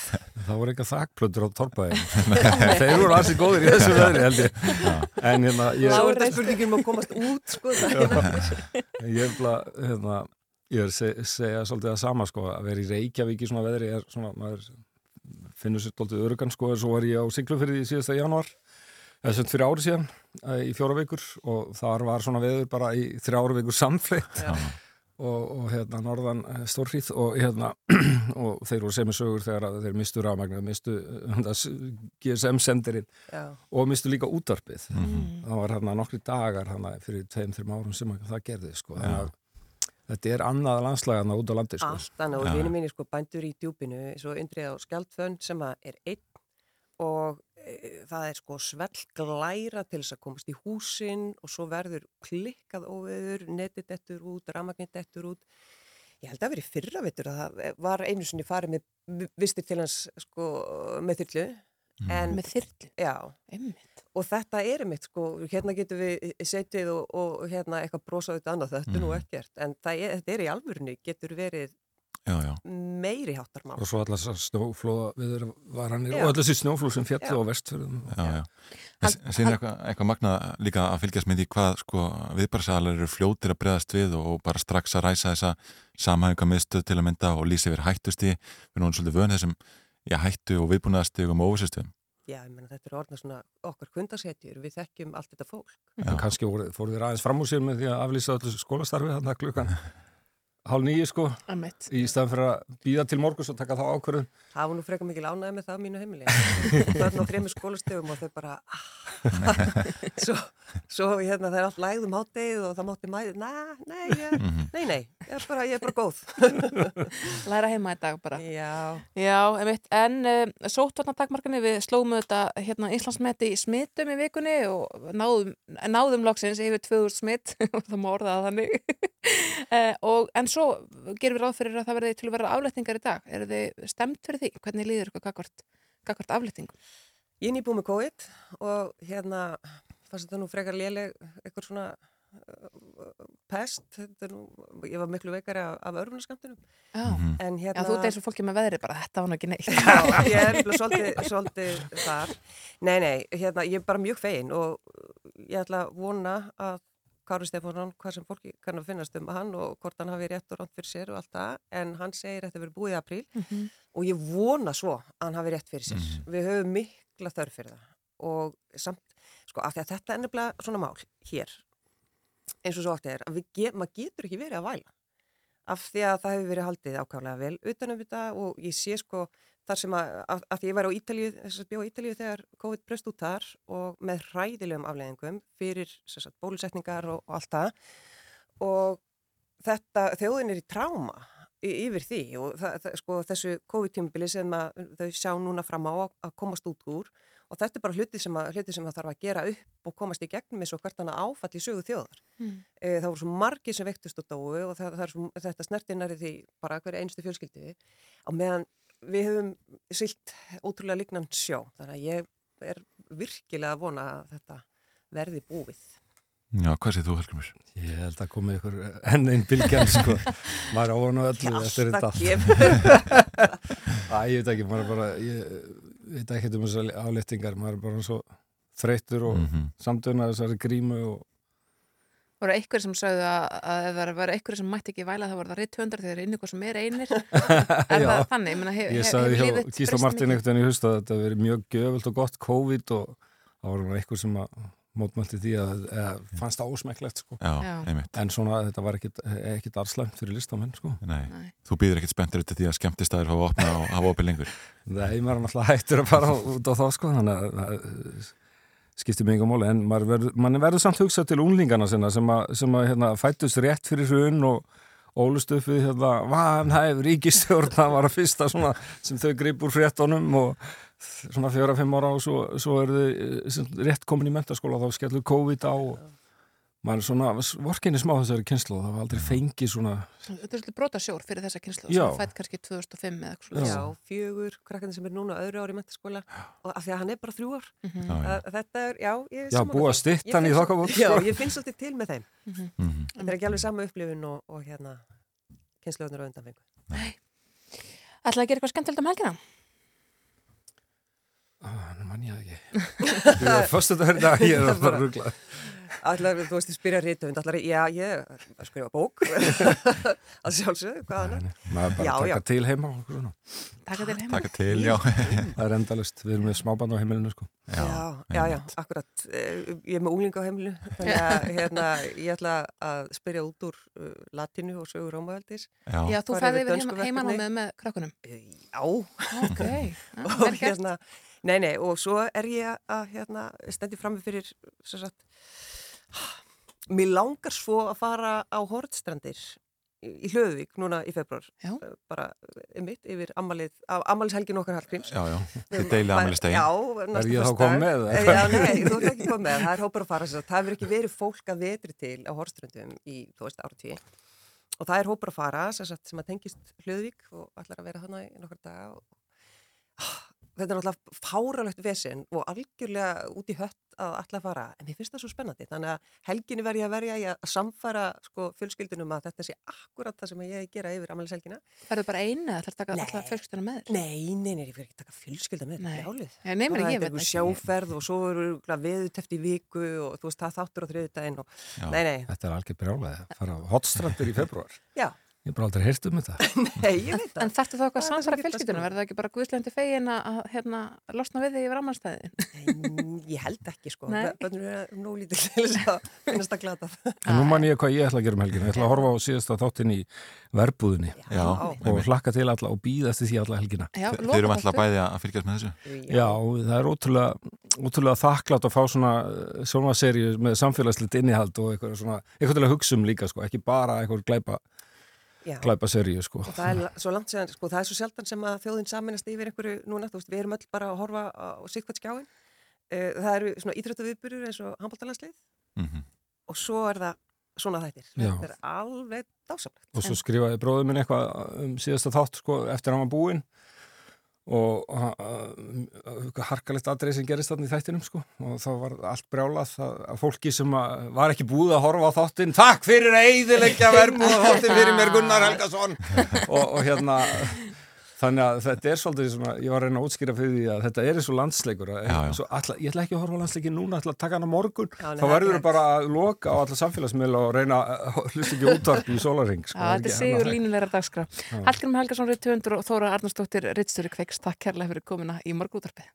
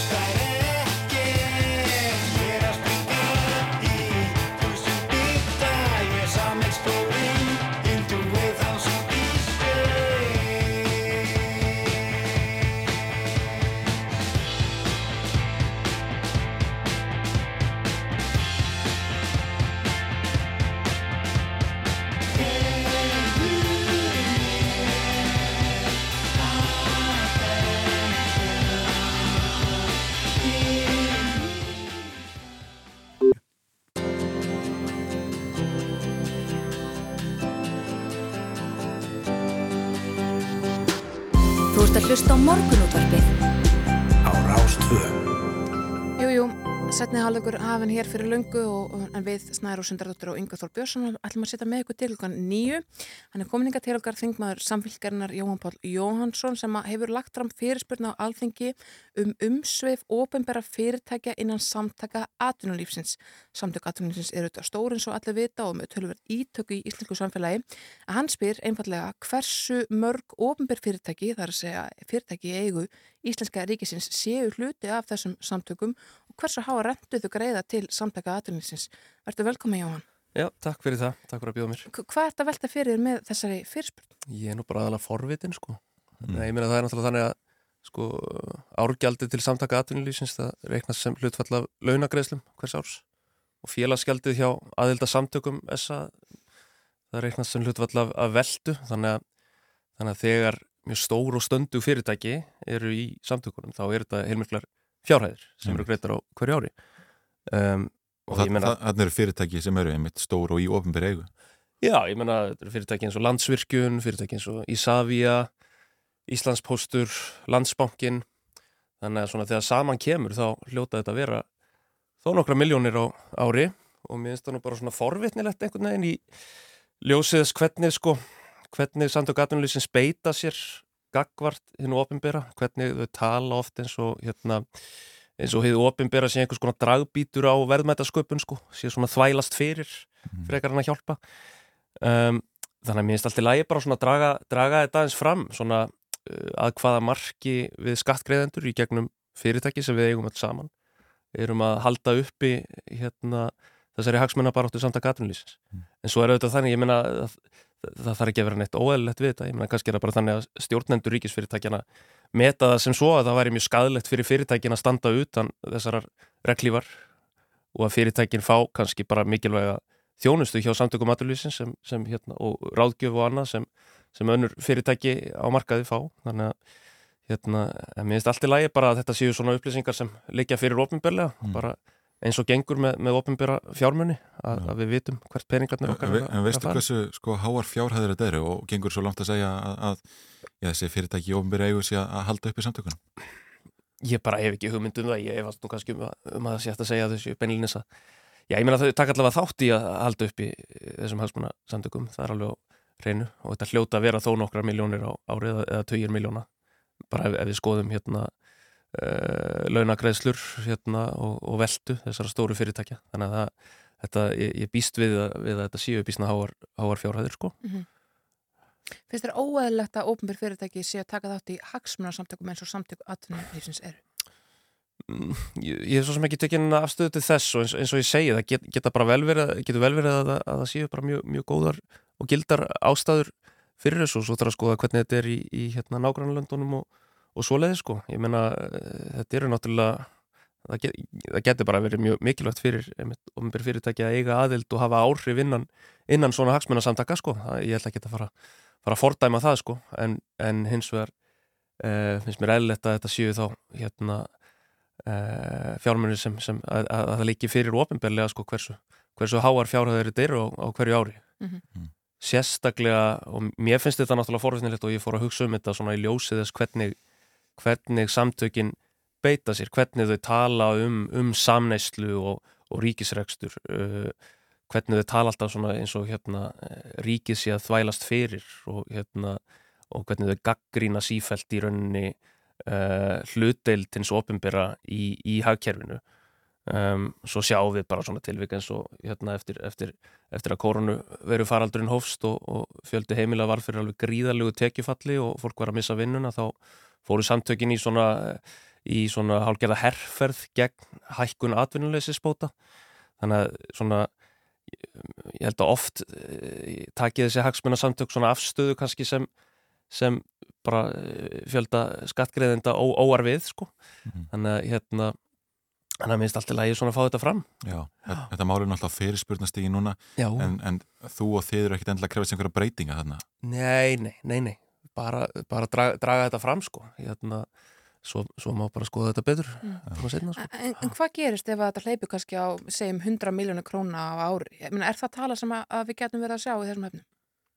Já, ég meina þá þurfum við að velta því fyrir okkur bara eins og með með hérna ofinbæra fjármunni almennt hvort, hvort við séum að fá, fá fyrir það það sem við viljum. Eh, hérna, það er bara eins og þetta með, eh, eins og með aðra svona við viljum alltaf hérna, velta við hverjum, hverjum steini svona í ofinbærum rekstri og hérna gildur um, gildur um þetta eins og annað. Einmitt. En voðu eru þið nösk að hafa spottað þessa fyrirspurn? Já, við erum vakandi við þessum Já, fyrir við erum það, við erum það, alveg Heldur þetta hafa einhver áhrif á svona bara almennt á kjarabarátuna framöndan? Ég hef ekki hugmyndið það. Nei. En vissu þið, ég meina, höfðu eitthvað um fælt í þessu? Nei, ég, ég hafði ekki leitt Já. að þessu allavega, ég get Allt samt í það. einu við komin í eitthvað viðtal hérna Jón Páll Jónsson, þingmaður samfélgjarnar Takk kærlega fyrir að koma til okkar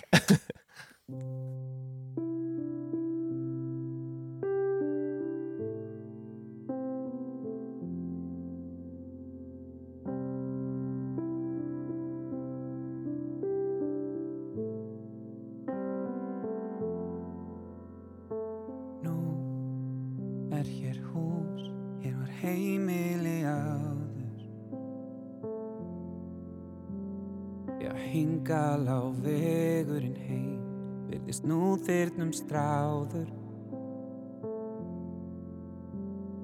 Þekki hér allt en samt Er hér allt breytt, það var ekkert eitt sem fekk okkur leitt hingað á þennan stað. Ég skil ekki neitt, hvað er breytt, hvað er að? Svo getum við leið hér þar til allt verður eins og það var Getum við lokað augunum til að sjá ekki það sem er að. Bara gleymt í eitt augnablik Segðu mér að fara og ég fer.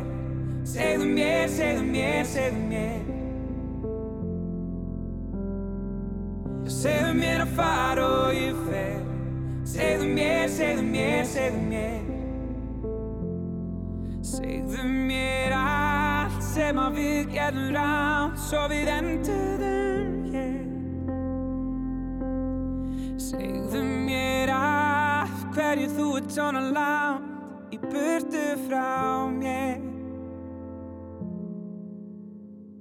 Ég man þessi hljóð Hvernig brakaði stíðin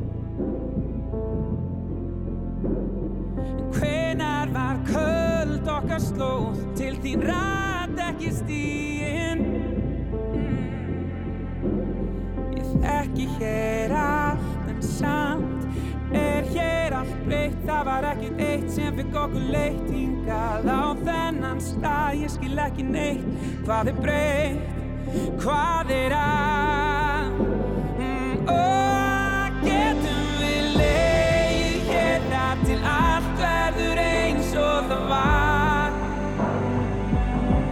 Getum við lokað augunum til að sjá ekki það sem er að. Bara gleymt í eitt augnablik Segðu mér að fara og ég fer. Segðu mér, segðu mér, segðu mér. Mm, Segðu mér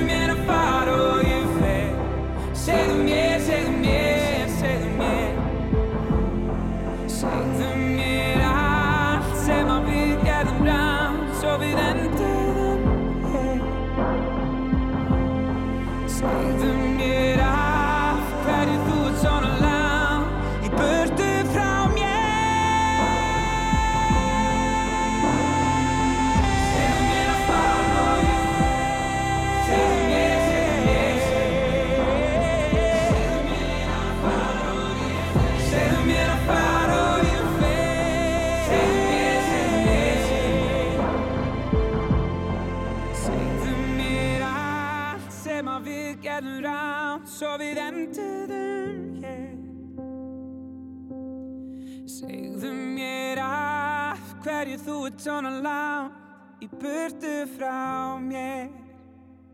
Morgunútvarpið alla virka daga til nýju á Rástvö. Það er auðvist margir spennti núna fyrir ofurskálinni, Super Bowl sem nýtur vaksandi vinsalda hér á landi en þessi úslitakefni NFL teildarinnar í bandaríkjunum fer fram aðfaranótt mánudagsins næsta. Og þessu fylgjaðu við alls konar hefðir og glansmatur og drikkur í amerískum stíl en íþróttin hefur þetta óumdeilanlega aðþróttarafl og Andri Ólásson, einn helsti NFL sérfræðingur landsins og þáttastjórnandi hjá stötu sport er komin ykkar til okkar, góðan daginn. Já, góðan daginn. Við hverjum að fólk búast aðfarnátt mándags? Já, sko, þetta er náttúrulega alltaf mikil veistla um, og þessi leikur er, hefur markað sér svona sess að minnstakost í bandaríkjunum sem svona, hvað er að segja, alþýðu menningarlegur uh, viðburður. Mhm. um, þetta er langstæsti sjónasviðburður í bandaríkjunum á hverju einast ári. Langs, þetta er svona næsta sem bandaríkjumenn komast að hafa svona skaup eða Já, já. skilir það sem bara svona þjóðin sest saman og horfir á eitthvað saman og uh, það verða eh, jafnan svona veisluhöld og fjölskyldur og vinuhópar hittast. Og það hefur svona aðeins hægt og rólega að skapast þannig stemning á Íslandi undarfærin ár. Við höfum tekið eftir til dæmis við sem erum að halda út þessum útsendingum á Twitter sjáum við að fólk er að deila myndum af fílikum hlaðborðum með hérna visluföngum og allt í svona að sjálfsögðu svona bandariskum alþýðu menningarlegum stíl. Um, en þessi leikur er mjög spennandi á sundaginn vegna þess að það eru tvö svona ólík lið að mætast. Mhm. annar lið er svona drekklaðið af, af stjörnum sem hafa sannað sér í deildinni og eru stór nöfn og eru fræ í þessar íþrótt.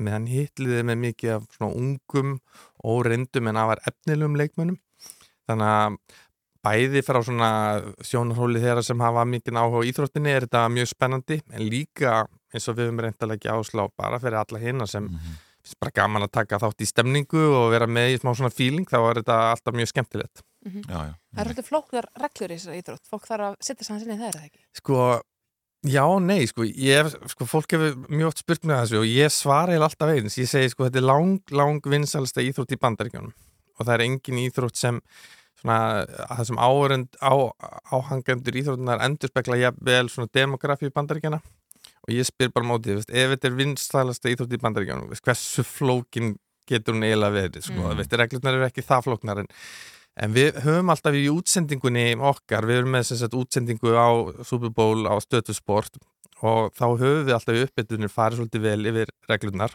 og útskipt þess að við gerum okkur grein fyrir að stór hluti þeirra sem eru að horfa eru kannski ekki harðir eh, NFL eh, áhangendur en í stuttumáli er þetta þannig að þú þarf bara að koma boltanum upp völlin í endamarkið á hennar liðinu og þú færið alltaf fjóra tilrunni til þess að fara ákveðna vegalind og ef þú nærð sem eru tíu hjartar og ef þú nærð því þá færðu aðra fjóra tilrunir og skolli kolli Mhm. En síðan snýst þetta náttúrulega svo mikið einhvern veginn um sjóið og, og stemminguna og auðlýsingarnar og allt þetta. Já, ég meina það er fyrir Superból er miklu meira heldur en bara þessi íþróttaleikur, þetta er bara eins og ég segi, þetta er bara menningarlegu viðburður í, í bandaríkjunum og fyrir okkur hérna á Íslandi finnst okkur bara gaman að horfa á það allt saman.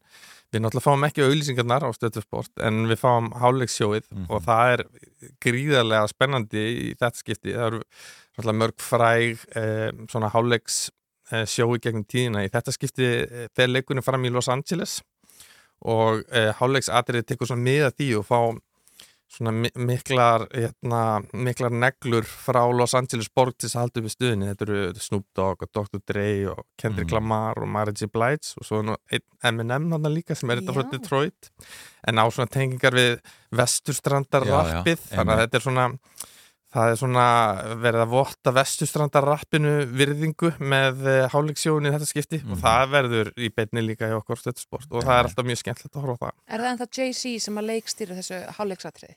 Um, ég hef nú ekki heyrt það, nei. Nei.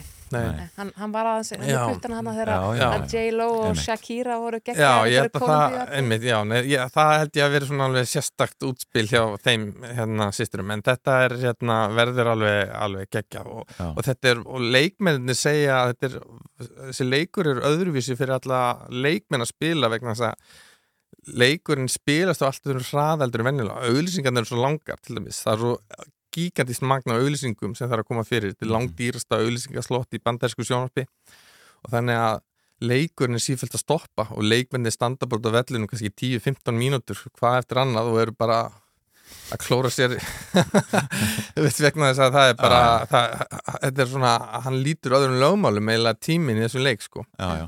Sko, þetta, er náttúrulega að vera sífælt vinsætla hér á landi að horfa á Super Bowl og fara í einhver Super Bowl party. Mm. Þetta er nú óneitanlega óhefilegu tími fyrir sjónvarsútsendinga aðfara nótt mánudags. Já, ég veit, þetta er náttúrulega alveg hræðilegt sko. Leikurinn byrjar hálf tólf og ég hef nú yfirleitt svona hvart fólk til þess að þrauka minnstakosti fram að hálfleik. Já. og það er nú alveg eitthvað sem flestir ætti að geta gert á þess að vinna sko sér sko ómikinn skada svona hvað vinnudaginn sem fylgir. En svo er það bara veit, láta ráðast ef leikur er spennandi og þetta er gaman þá halda áfram. En, en uppbytun í okkur byrja klukkan tíu og þá erum við yfirleitt svona að fara yfir reglurnar og útskýra hvað lið er að mætast og svona hvað einleika þau hafa og hver er svona helstu stjörnunar eru og og, og svo framvegis. Og, og, en svo byrja leikun hálf tólf en það er alveg, alveg rétt og sérstaklega ef þetta fer í framlengu þá getur þetta verið ansið erfið mánundas morgun, ég viðkynna það alveg. En, en, en oftar en ekki er það þessi virði vegna að þessi leiki geta verið ansið spennandi og mikið undir. Það er þetta mikið búið að ganga á í dildinni svona í aðdraðan þessi leiks, Tom Brady sem að spila þessin kláraði feril með Buccaneers hann, hann er hættur, hann er meina alltaf tala um hann sem geitina. Já, já, geitin, já, já, hann hættir, hann er náttúrulega 40, að verða 45 ára gammal og hérna, og mikið sko, mikið hérna, hann tapaði sagt, í undanúsluta leiknum og ólíkt mörgum öðrum um, leikmennum sem er á hans aldri þá eru þeir búin að kannski vera svolítið niðurleið lengi áður en þeir leggja skona á hilluna. En Breyti gamli, hann var eiginlega átti eitt sitt besta tímabil í þetta og var hérna stóð sér alveg reynd ótrúlega vel og var hásbreytt frá því að koma liðinu sinni í súból og hann náttúrulega vann í fyrra. Já, já. við 44 ára gammal sko þannig að hans fyrir náttúrulega ótrúlegur. En það er mikið í gangi í séri deild og, og mikið af svona þeim um, þjóðfélags uh, breytingu sem eiga sér stað í bandaríkjónum undarfærin ár hafa verið að svona, hvað er, seitlast inn í deildina. Til dæmis eru afar áhugaverð uh, málsókn í gangi á einu þjálfari deildinni sem er að lögsækja deildina fyrir systematiska rasisma. Já. það er maður sem er að, sem sagt, eh, svartur þjálfari sem upplifur ekki að hann fái sem tækifæri og aðrir. Og þannig að fyrir okkur sem fylgjus með deildinni þá er eins og, og ekkert bara leikirnir sem, sem ekki áhuga. Það er marga sögulínur í kringum þetta hvað var það leikmenn og þjálfara og lið og reyfingar og, og þannig að það er alltaf mjög skemmtilegt líka Já, einmitt. Hver eru helstu stjórnundar núna á sunnundaginn? Hvaða, hvaða nöfn á fólk að þekkja á þennan að byrja að horfa? sko, NFL snýst náttúrulega rosalega mikið um leikstjórnendur og það eru þessi quarterbacks eins og Tom Brady er en hérna í, í LA Rams liðinu sem er kannski liðið sem er síðustranglega það er liðið sem er alla stjórnunar það er Matt Stafford sem er leikstjórnandi og hann er búin að vera lengi deildinni og er, hérna, hefur sleið mörg met og er svona, hvað ég að segja, hefur sannað sitt gildi og sitt virði en hann hefur aldrei unnið þann stóra. Hann var uh, fenginn til þess að liðs fyrir þetta tímabil með það eina markmið að koma þeim yfir síðustu hindurina og, og það er mjög spennandi að sjá hvort hún takist á kórunni, kórunni þannig kannski fyrir sinn. Og svo ert í hinliðinu Cincinnati Bengals sem er liðið sem er uppfyllt af svona upp, ungum og upprunandi leikmennum það er leikstjónandi sem er bara á sínu öðru ári var valin fyrstur í nýlega valinu eh, en er mjög spennandi og upprennandi leikmaður og vann meðal annars stóra titilin í háskólaboltanum Mm. þannig að hann hefur ólíkt Matt Stafford unnið stóran titil úr sínu ferli þó að hann sé mjög ungur árum en þannig að þetta er svona e, sá ungi og óreyndi og upprennandi á móti kannski þeim reynda og hérna sem hefur átt glæstan feril en sá reyndi, hann hefur aldrei unnið stóra titilin þannig að og það verður það er kannski viðrögt þessar að tveggja sem er kannski mest spennandi en auðvitað eru síðan mjög margar aðrar viðregnir inn á vellinu og millið varnalínu og sóknalínu, útherja og bakvarða og, og svo framvið sem verður mjög gaman að fylgjast með. Þetta er ekki. Uh, þú ert auðvitað líka upplýsingafulltrúi á landsbytalanum. Jú, þetta er svona hliðagigg. Ætlar að verður í frí á mándaginn? Ver, verða fjölmjölar bara að hringja eitthvað annað þess að... Nei, þeir syngja hvaða tíma sem er sólarings og ég reyna alltaf að svara þannig að hérna, þeim er bara að ringja hvernig sem er Já, já, gott mál, gott mál. Andri Ólason, uh, já, sérfræðingur hjá Stöð 2 Sport. Takk hérlega fyrir komuna. Takk fyrir mig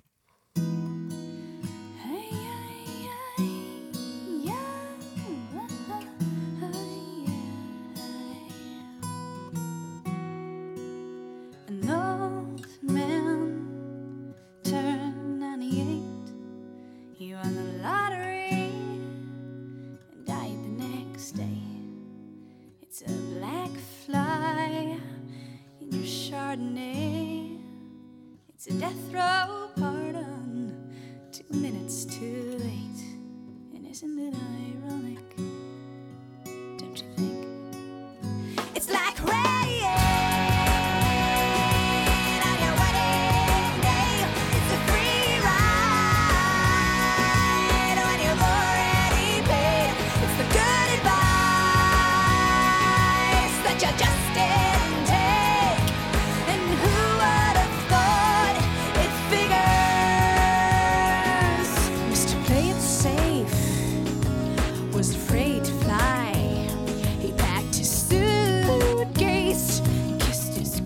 Goodbye.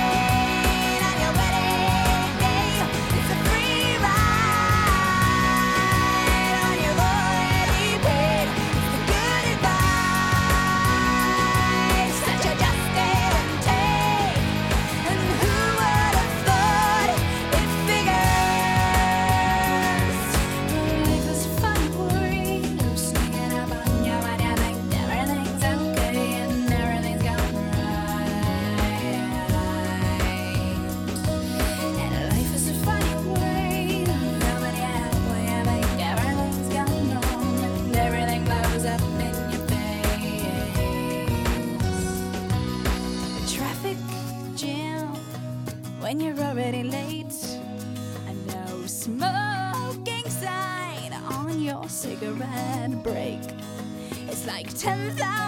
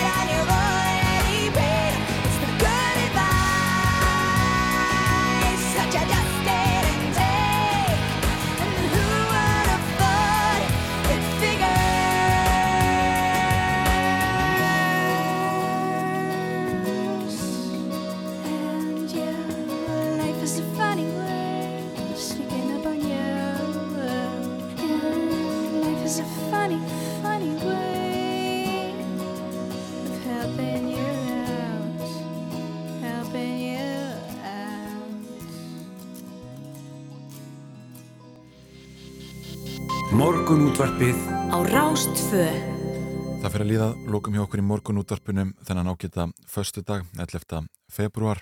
Við erum búin að fara víða í þættinum í dag eins og ofta áður vorum að ræða hérna ofurskálina Já. sem er aðfæður nótt eh, mánudags.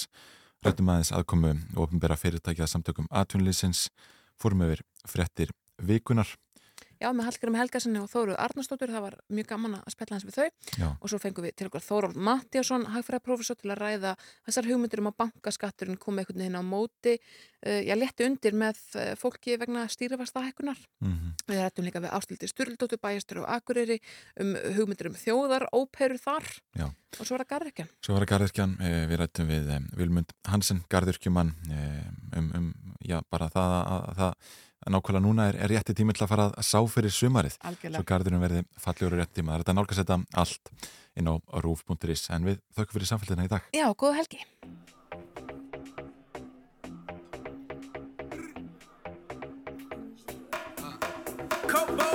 Óguð, herra bara að púla upp á fjórum. Óguð, herra bara að strauja og taka nótu. Óguð, okkur ætti herra vera rólur Óguð, herra rukkar og mikið á sjáum Óguð, aðrir að bara þeir eru á bótum. Óguð, engin loka samningu hjá stórum. Óguð, ég gaf alltaf háa ripaði Skuldi vindu upp á sig, vini mínur rullarir En vini mínir er góðir.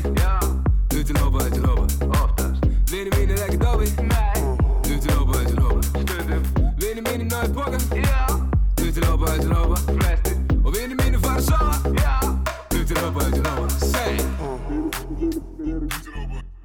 Ekki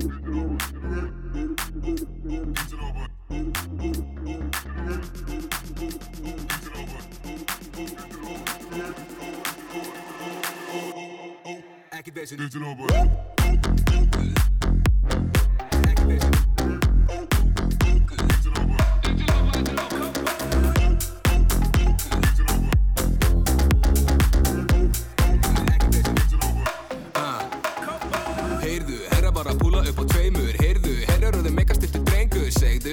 ekki vissin og honum lengur. Segðu, nefnat einhver einn að sleppa greiðslu. Vámar, það er enginn að fara hann á átna Sjáðan, sá hann gangi hálfur milu áðan. Jámar, kostar líka svo mikið að fá hann. Tala mikið um mig, vini mínir eru gladir En vini mínir eru góðir. Já. Þú til hópa, þú til hópa. Oftast. Vini mínir ekkert á við Upp til hópa, upp til hópa. Stundum. Vinni mínir náðu póka Já. Upp til